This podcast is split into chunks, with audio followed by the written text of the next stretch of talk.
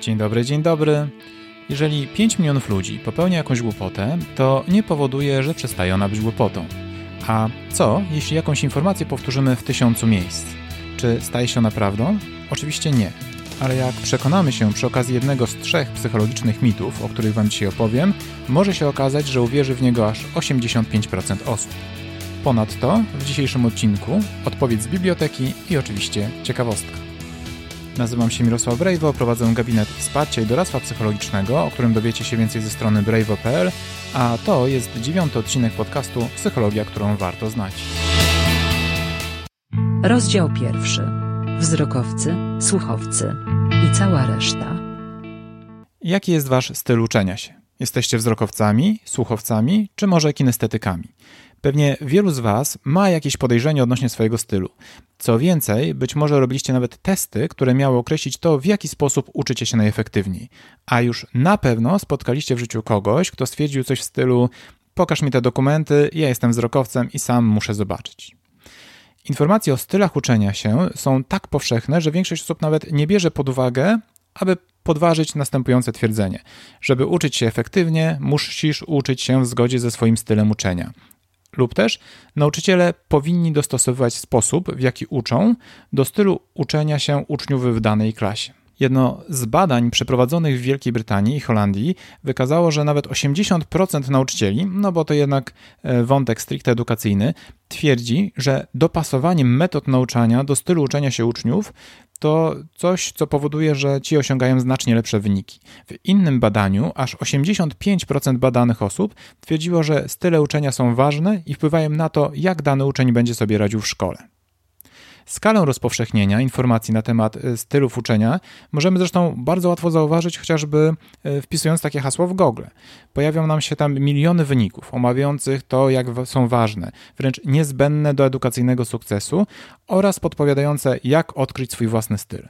Będą to zarówno blogi, jak i strony szkół, instytucji szkoleniowych, poradni psychologicznych, czy nawet znanych czasopism i portali. No ale skoro tyle instytucji i osób twierdzi, że znajomość stylu uczenia i dopasowanie do niego swojego sposobu przyswajania informacji jest tak ważne, no to chyba musi w tym coś być. A jednak, badania pokazują, że nie ma dowodów na to, aby nauka w zgodzie ze swoim stylem uczenia była bardziej efektywna. Tutaj warto też dodać, że samych teorii dotyczących stylów uczenia się jest bardzo dużo. Frank Cofield w 2004 roku e, w swojej analizie zebrał 71 koncepcji bazujących często na zupełnie innych sposobach podziału nieraz zresztą wzajemnie się wykluczających. Tak też mamy podział ze względu na pytania, jakie poszczególne osoby sobie zadają. Na przykład ktoś woli pytać, jak do tego doszło, ktoś inny, dlaczego tak się stało. Są osoby lubiące uczyć się przez działanie i takie, które wolą obserwować. I wiele, wiele innych tego typu przykładów. To, co je łączy, to brak wystarczających podstaw naukowych i wyraźnego wpływu na skuteczność przyswajania informacji. No, i może jeszcze w wielu przypadkach generowanie ogromnych przychodów ze sprzedaży kursów, książek, testów i innych produktów, które miałyby ułatwiać odkrycie swojego stylu i naukę w zgodzie z nim. No ale wracając do wzrokowców, słuchowców i kinestetyków, bo wydaje się, że to jest taki najpopularniejszy u nas podział. Tu swoją drogą mam ciekawostkę. Ciekawostka. Choć od czasów Arystotelesa przyjmuje się, że mamy pięć zmysłów, czyli wzrok, słuch, węch, smak i dotyk, to najnowsze badania pokazują, że jest ich więcej. Mamy też zmysły odpowiadające za odczuwanie bólu, utrzymywania równowagi, odczuwania temperatury i ułożenia ciała względem siebie.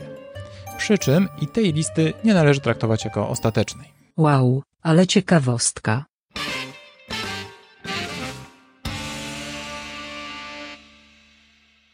Zerknijmy na przykładowe różnice. Wzrokowcy lubią porządek, zwracają uwagę na kolory, używają stwierdzeń typu zauważyłem, to jest jasne.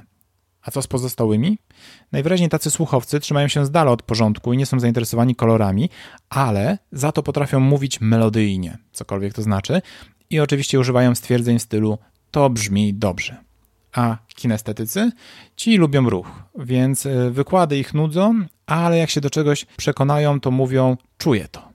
Jak pewnie zauważyliście, bliżej tym wszystkim stwierdzeniom jest do horoskopów niż do naukowych teorii. W praktyce zaś najskuteczniej będziemy się uczyć, jeżeli zastosujemy rozmaicone metody przyswajania informacji, które będą bazowały na różnych zmysłach i uwzględniały to, czego chcemy się nauczyć, a niekoniecznie będące w zgodzie z naszym stylem. Oczywiście e, style uczenia mogą dać nam odrobinę nadziei, że na przykład wyniki w nauce nasze czy, czy dzieci nie są tak dobre, ponieważ nie odkryliśmy jeszcze swojego stylu uczenia ale jednocześnie mogą spowodować, że wiele osób zgubi elastyczność, to znaczy nie będzie starała się znajdować różnych sposobów przyswajania informacji, albo wręcz część osób zamyka się na informacje niezgodne ze swoim stylem. No bo przecież jeżeli jestem wzrokowcem, to z wykładu i tak nic nie zapamiętam, więc nie ma sensu słuchać. Swoją drogą to by sugerowało, że podcasty słuchają wyłącznie słuchowcy. Ta kwestia jest y, na tyle istotna, że w 2017 roku 30 naukowców ze Stevenem Pinkerem na czele y, napisało nawet list otwarty, w którym podkreślali, że bazowanie na stylach uczenia nie ma podstaw i może być szkodliwe i kosztowne. Rozdział drugi. Albert, człowiek, który wykorzystywał mózg. I cała reszta. A teraz czas na króla wszystkich psychologicznych mitów. Co wam przychodzi do głowy na myśl o tym, ile procent mózgu wykorzystuje człowiek? I tu pewnie wielu z was, nawet jeżeli w to nie wierzy, pomyślało 10%. Co więcej, może być tak, że pomyśleliście sobie nawet, że Einstein to miał szczęście i był geniuszem, bo potrafił wykorzystywać 20% swojego mózgu. Skąd się wzięła popularność historii o 10%? Jak w przypadku wszystkich dzisiejszych mitów, e, głównym powodem jest to, że daje nadzieję. No bo zawsze można sobie pomyśleć, że skoro wykorzystuję tylko 10% mózgu, to stąd moje słabe wyniki. I może, jak nauczę się wykorzystywać chociażby te 2-3% więcej, no to już będzie dużo, dużo lepiej.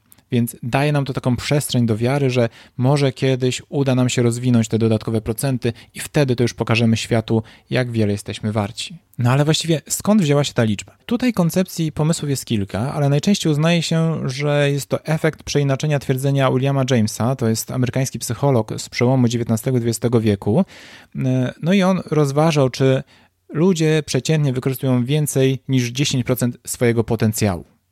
Jednak mowa o potencjale dość szybko została przeinaczona na 10% wykorzystywania mózgu. I tak też się stało chociażby we wstępie do pierwszych wydań bardzo popularnej książki Dale'a Carnegie'ego Jak zdobyć przyjaciół i zjednać sobie ludzi. No, jak łatwo sobie wyobrazić, jak coś pojawiło się w popularnej książce, to potem już się rozeszło. No ale z drugiej strony, może faktycznie wykorzystujemy tylko 10% mózgu. No, dzisiaj już mamy zdecydowane podstawy do tego, żeby twierdzić, że nasz mózg jest jednak ogólnie dość zapracowany i nawet jeżeli w danej chwili większą aktywność wykazują tylko wybrane jego obszary, no bo warto pamiętać, że różne części mózgu odpowiadają za przetwarzanie różnych informacji, więc też w różnych momentach będą się szczególnie aktywować. Wykorzystywanie całego mózgu także z perspektywy ewolucyjnej nie może dziwić. Jak wiadomo, nasz mózg, pomimo tego, że nie waży zbyt wiele względem reszty ciała, potrafi pochłonąć około 20% energii, którą używamy w ciągu dnia. Więc jest to gigantyczny koszt i trudno sobie wyobrazić, żeby coś tak energochłonnego mogło w 90% pozostawać bezczynne. Inne badania zresztą pokazują, że nasze komórki mózgowe, kiedy są nieużywane, po prostu zanikają. Cennej wiedzy, szczególnie gdy neuroobrazowanie stało na niższym poziomie, dostarczało oczywiście przypadki uszkodzeń mózgu, bo gdyby argument o 10% był prawidłowy, to w momencie, gdy ktoś doznaje uszkodzenia lub udaru mózgu w jakimś obszarze, to z dużym prawdopodobieństwem nie powinno to mieć zbyt dużego znaczenia, a jak wiemy, jest inaczej. Rozdział trzeci. 3% osób z kartką i długopisem. I cała reszta. Pozwólcie, że opowiem Wam o legendarnym badaniu, które zmieniło to, jak spoglądamy na kwestię osiągania celów. Miało ono miejsce w 1953 roku na Uniwersytecie Yale. Studentów ostatniego roku kierunku biznesowego zapytano, czy mają cele. Jak się okazało, 84% tych osób nie miało jasno sprecyzowanych celów. Ale pytano dalej i okazało się, że spośród reszty 13% osób miało te cele, ale tylko gdzieś tam w głowie. Natomiast 3% osób miało zapisane cele i plan, jak chcą go osiągnąć. Ale to dopiero początek, bo po 20 latach odnaleziono tych ludzi i zapytano, co u nich słychać, jak sobie radzą. Jak się okazało, 3% osób które zapisało cele, zarobiło o wiele więcej niż pozostałe 97% osób razem wziętych. Ale to nie wszystko, bo te osoby były szczęśliwsze, miały lepsze relacje z rodziną i były zdrowsze. Także to badanie pokazuje zdecydowanie i jasno, jak gigantyczną różnicę zrobiło zapisywanie celów. I w tym wszystkim jest tylko jeden maleńki, maleńki problem. Ten eksperyment nigdy nie został przeprowadzony. Jak to się stało, że badanie, które nie miało miejsca, tak bardzo rozeszło się po świecie? Dziennikarze próbowali dotrzeć do źródła, e, które rozpoczęło tę historię i doszli do mówców motywacyjnych Ziga Ziglera i Antonego Robinsa. I cóż tu się okazało, że ten pierwszy, czyli Zig Ziglar, twierdzi, że przeczytał to u Robinsa który faktycznie podaje taką informację o tych 3% e, w swojej książce Nasza moc bez granic. A skąd on zaczerpnął tą informację?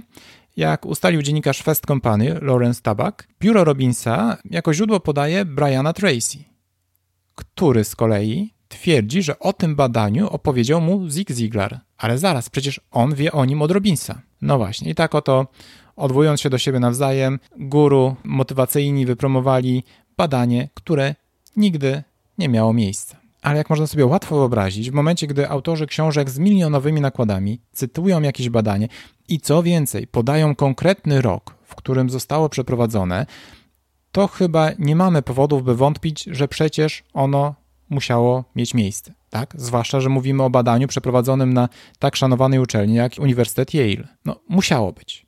No a skoro tak, to oczywiście zaczynają się na to powoływać kolejne osoby, które już nie odwołują się do źródłowego artykułu, którego zresztą nie ma, e, tylko właśnie do Robinsa i spółki, no a mit w ten sposób przez lata rośnie w siłę. Bo zgodzimy się chyba, że jeżeli ten eksperyment dał tak niesamowite wyniki, które stanowią wręcz rewolucję, jeżeli chodzi o efektywność osobistą, no to chyba ktoś by się do tego eksperymentu przyznał. Zwłaszcza jeżeli czekał 20 lat na to, żeby zrobić jego kontynuację. A tymczasem cisza. Nikt się nie przyznaje do autorstwa. Co więcej, absolwenci rocznika 1953 nie przypominają sobie udziału w takim badaniu ani wtedy, ani 20 lat później. Co ciekawe, e, pytanie o ten eksperyment jest tak często zadawane, że nawet na oficjalnej stronie Biblioteki Uniwersytetu Yale w kategorii często zadawane pytania pojawia się właśnie to o wyniki tego badania. No i cóż, odpowiedź biblioteki nie pozostawia wątpliwości. Takie badanie nigdy nie było przeprowadzone. Natomiast warto tutaj zaznaczyć, że w porównaniu do historii o stylach uczenia i wykorzystywaniu mózgu w 10%, w przypadku e, mitu o celach, późniejsze badania potwierdzają, że faktycznie, jeżeli zapiszemy sobie cele i drogę do ich osiągnięcia, to zwiększymy prawdopodobieństwo, że uda nam się je zrealizować, ale różnice są zdecydowanie, zdecydowanie mniej efektowne niż historia o 3% osób zarabiających więcej niż 97% pozostałych. Podsumowując, jeżeli jesteśmy zdrowi, to wykorzystujemy cały mózg, choć aktywność w poszczególnych jego obszarach zmienia się w zależności od tego, co robimy. Jeśli chcemy się skutecznie uczyć albo ułatwić naukę dzieciom, nie zawracajmy sobie głowy stylami uczenia i związanymi z nimi testami czy książkami, a jeżeli chodzi o stawianie sobie celów, warto je sobie zapisywać, ale nie oczekujcie, że tylko ta czynność spowoduje rewolucyjną poprawę efektywności w waszym życiu. Jeżeli odcinek wydał się Wam interesujący, to dajcie znać w komentarzach lub na Facebooku, bo temat mitów psychologicznych to jest prawdziwy ocean, w którym jest jeszcze mnóstwo ciekawych i wartych sprostowania informacji, więc jeżeli będziecie chcieli, to e, możemy do tego tematu co jakiś czas powracać. Tymczasem dziękuję za wysłuchanie tego odcinka. Już za dwa tygodnie, czyli 18 maja, w dziesiątym, tak, tak, już w dziesiątym odcinku podcastu porozmawiamy o rywalizacji i porównywaniu się do innych. Do usłyszenia.